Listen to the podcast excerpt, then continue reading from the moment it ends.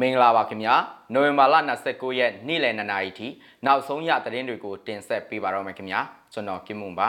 မူးမောက်မှာစစ်ကောင်စီနဲ့ KIA အကြားတိုက်ပွဲပြင်းထန်တဲ့သတင်းမန္တလေး MPT ရုံးမှာရှိတဲ့စစ်ကောင်စီတပ်သားများတိုက်ခိုက်ခံရတဲ့သတင်းတာကီတမြင်တော်တာလမ်းပေါ်မှာရှိတဲ့လျှက်စစ်မီတာယုံပြစ်ခတ်ခံရတဲ့သတင်းမုံရွာចောင်းသားများတမက်ကနဲ့လက်ပတောင်းတောင်ဒေသခံတို့ပူးပေါင်းဆန္ဒပြတဲ့သတင်း ထိုင်းနိုင်ငံကတစ်သီးပွဲတော်နဲ့မြောက်ပြပွဲစီးပွားရေးအကြောင်းအစရှိတဲ့သတင်းတွေကိုတင်ဆက်ပေးပါတော့မယ်။မူးမောက်မှာစစ်ကောင်စီနဲ့ KIA ကြားတိုက်ပွဲပြင်းထန်တဲ့သတင်းနဲ့စလိုက်ချင်ပါတယ်။ကချင်ပြည်နယ်မူးမောက်မြို့မှာစစ်ကောင်စီတပ်နဲ့ကချင်လွတ်လပ်ရေးတပ်မတော် KIA တို့ကြားနိုဝင်ဘာလ28ရက်မွန်းလွဲပိုင်းကစတင်လို့ညနေပိုင်းအချိန်ထိတိုက်ပွဲများပြင်းထန်စွာဖြစ်ပွားနေတယ်လို့ဒေသခံတွေကပြောပါတယ်။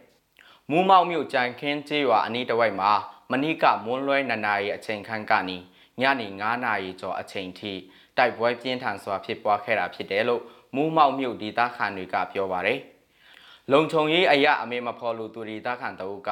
ဒီညနေတနာရီခွဲ2နာရီလောက်ကနေစပြီး၄နာရီလောက်အထိကြားရတယ်။သူတို့နားပြီးပြန်ပြစ်နေတာပဲ။တနတ်တန်ရောလက်နဲ့ကြီးတန်ရောပဲ လမ်းပေါ်မှာလို့တော့ပြောကြတယ်။ကျမတို့ကလမ်းမကြီးနဲ့ဝေးတော့အတိအကျတော့ပြောဖို့ခက်တယ်လို့ပြောပါတယ်။တိုက်ပွဲဖြစ်ပွားတဲ့နေရာမှာစစ်ကောင်စီရဲ့လက်အောက်ခံတပ်ရင်းဖြစ်တဲ့မူးမောက်အခြေဆိုင်ချင်းမြန်တပ်ရင်းခမာယ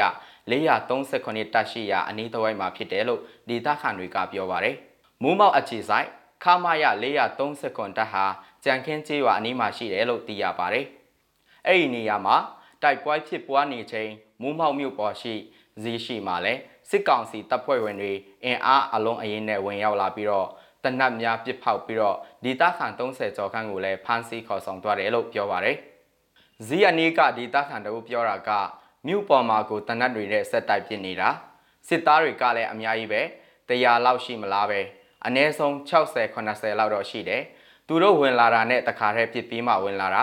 မြို့ပေါ်လမ်းမကြီးမှာကိုတနတ်နဲ့ဖြစ်နေကြတာတော့ ဒီကနေ့နှစ်နာရီလောက်ကလေးကတိုက်ပွဲကလည်းဖြစ်အတန်တွေကလည်းကြားနေရတော့လူတွေကနည်းနည်းကြောက်နေကြတာသူတို့ဝင်လာတဲ့အချိန်တချို့ကထွက်ပြေးတယ်အခုတိတလောက်ဆိုရင်တော့လူ20 30လောက်စစ်သားတွေကဖမ်းသွားတာလို့ပြောပါရခင်ဗျာ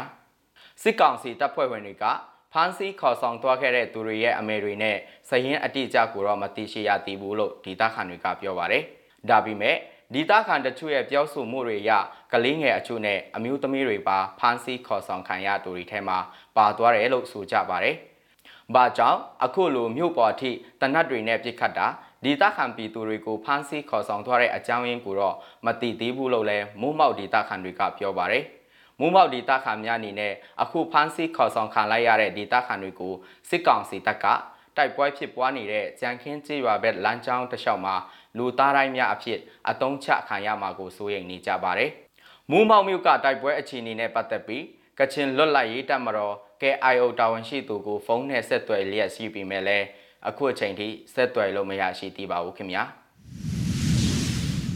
ဆက်လက်ပြီးတော့မန္တလေးမြို့ပြည်ကြီးတကွန်မြို့နယ်မင်းကြီးရနောင်လိုင်းအင်ခုဖျားအနီးရှိမြန်မာဆက်သွယ်ရေးလုပ်ငန်း MPD ရုံးမှာတပ်ဆွဲထားတဲ့စစ်ကောင်စီတပ်တွေတိုက်ခိုက်ခံရကြောင်းဒေသခံတွေစီကသိရပါတယ်။ဒီနေ့နိုဝင်ဘာလ29ရက် နာနက်9နာရီခွဲမှာဘုံပေါက်ကွဲတံတွေကြားနေရပြီးတနတ်ပစ်တံတွေပါဆက်တိုက်ကြားနေရကြောင်းဒေသခံတွေကပြောပါတယ်။အပြန်အလှန်ပစ်ခတ်တဲ့ပုံပဲအချက်ရည်လဲများတဲ့စစ်ကောင်စီတပ်သား၄ယောက်တည်တယ်လို့ကြားတယ်လို့အနီးပဝန်းကျင်မှာနေထိုင်သူတအုပ်ကပြောပါတယ်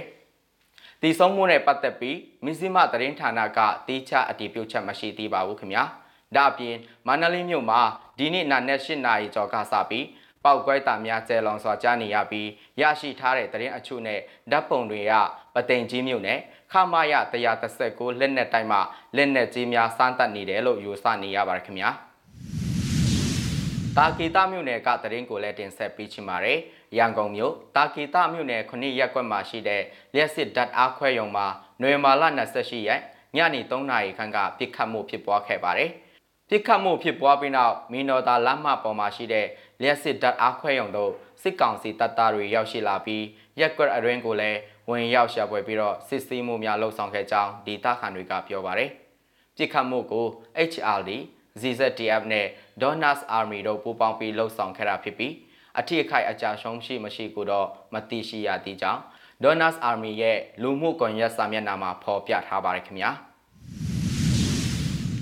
စကိုင်းတိုင်းဒေသကြီးစားလင်းချင်းမြို့နယ်လက်ပတောင်းတောင်ဒေသရှိဈေးတစ်ခုမှာနွေမာလ29ရက်နာနဲ့ပိုင်းကမုံရွာចောင်းသားများတပိတ်ကတပိတ်စစ်ကြောင်းနဲ့ဒေသခံပြည်သူများပူးပေါင်းပြီးစစ်အာဏာရှင်စနစ်ပြုတ်ကြရေးခြိတက်ဆန္ဒပြခဲ့ကြပါတယ်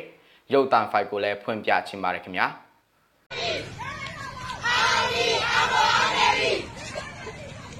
拿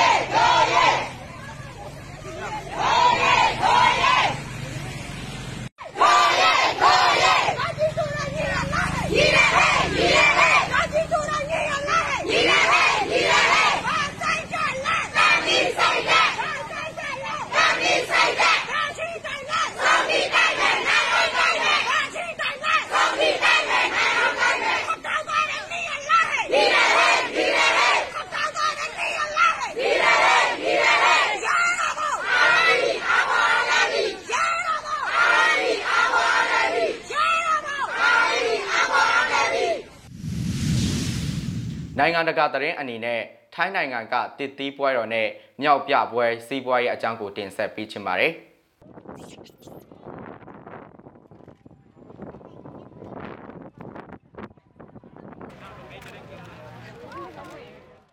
သူတို့ရဲ့စားတောက်ပွဲဆင်နွှဲပုံကအံ့အားသင့်စရာဖြစ်ပေမဲ့တနင်္ဂနွေနေ့ကထိုင်းနိုင်ငံ လော့ဘူရီမှာကျင်းပတဲ့အထူးပွဲတစ်ခုကိုတက်ရောက်လာတဲ့ဂုံတရရှိဧည့်သည်တော်များကတော့အခုလိုမြောက်ပွဲတွေကိုဝိုင်းကြည့်ရတာအထူးပဲနှစ်သက်ကြပါတယ်လော့ဘူရီမြို့မှာ1980ပြည့်လွန်နှစ်တွေကစပြီးဘာသာရေးထုံးတမ်းတစ်စိတ်တစ်ပိုင်းနဲ့ကမ္ဘာလက်ခီးသွားတွေကိုဆွဲဆောင်မှုတစ်စိတ်တစ်ပိုင်းအဖြစ်နှစ်စဉ်နှစ်တိုင်းအသေးနံပွဲတော်တွေကျင်းပပြီးမြောက်တွေကိုအစာကျွေးလေရှိပါတယ်ယခုနှစ်မှာတော့မြောက်တွေအတွက်တစ်တီးဘူဖေးပွဲတော်မှာစားလောင်မွတ်သိမ့်နေတဲ့မြောက်အကောင်ရဲ့တထောင်ခန့်ဟာ မြို့ရဲ့နှစ်ရှစ်ရာတက်တန်းရှိတဲ့ပရာဖရန်ဆန်ရော့ဖះเจ้าအပြင်ဘက်မှာစွန်းတော်တင်ထားတဲ့တစ်တီးစားပွဲတွေစီကိုရောက်ရှိလာခဲ့ကြပါတယ်။မြောက်တွေဟာအရှိတောင်အာရှမှာကြိုက်သူမကြိုက်သူတွေအကြားနာမည်ကြီးထင်ရှားတဲ့ဒူရင်သီးရဲ့အရသာကိုနှစ်သက်ကြတယ်လို့ပွဲစီစဉ်သူ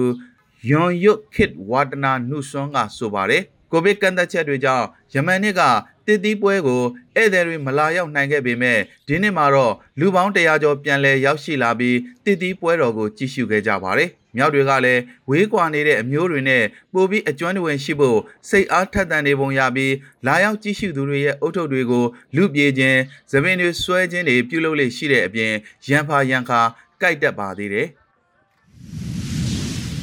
မြစည်းမရဲ့နိုဝင်ဘာလ29ရက်နေ့လယ်2နာရီထိနောက်ဆုံးရသတင်းတွေကိုတင်ဆက်ပေးခဲ့တာပါမြန်မာပြည်သူပြည်သားအလုံးစိတ်ချမ်းသာခြင်းကိုယ်ချမ်းသာခြင်းနဲ့ပြည့်စုံကြပါစေခင်ဗျာ။